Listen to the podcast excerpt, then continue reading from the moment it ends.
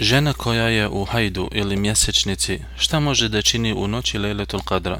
Da li može povećati broj svojih dobrih dijela tako što će se zaokupirati ibadetom? Ako je odgovor potvrdan, kakve su to onda stvari koje može da čini u toj noći? Odgovor. Hvala Allahu. Žena koja je u hajdu će činiti sve ibadete osim četiri.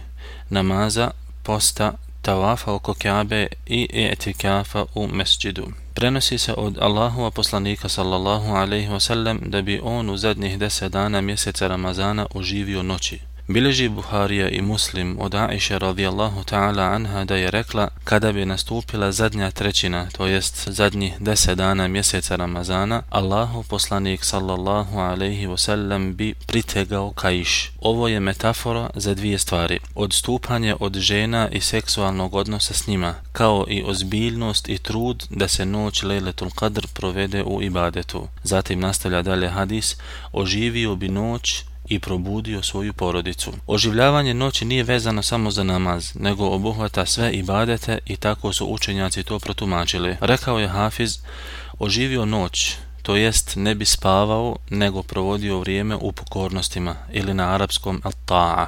Rekao je An-Nawawi, znači proveo bi cijelu noć budan, klanjajući ili čineći druga dijela mimo namaza. Rekao je pisac knjige Aunul Ma'bud, znači oživio bi noć namazom, zikrom i čitajući Kur'an. A od najboljih ibadeta u noći Lejletul Qadra jeste noćni namaz, na arapskom El-Qiyam, I zato rekao je Allahu poslanik sallallahu alejhi ve sellem ko provede noć lejletul qadra u imanu i računu biće mu oprošteni svi prijašnji grijesi. Hadis je zabilježio Buharija i Muslim. Kada znamo da je ženi u hajdu zabranjeno klanjati, onda je u mogućnosti da oživi ovu noć drugim ibadetima mimo namaza poput pod broj 1 čitanje Kur'ana na pamet ili gledanjem, ali bez dodirivanja, nego u mogućnosti je da obuče rukavice, da stranice prevrće sa olovkom i tako dalje, s tim što treba napomenuti da korica Kur'ana kada je dodir u pitanju uzimaju propis samo Kur'ana. Pod broj 2, zikra poput tesbiha ili riječi subhanallah, tehlila ili riječi la ilaha illallah, tahmida ili riječi alhamdulillah i slično tome od riječi poput Allahu akbar, subhanallah wa bihamdi, subhanallah il azim i tako dalje. Pod broj 3, istighfara ili traženja oprosta od Allaha riječima astaghfirullah.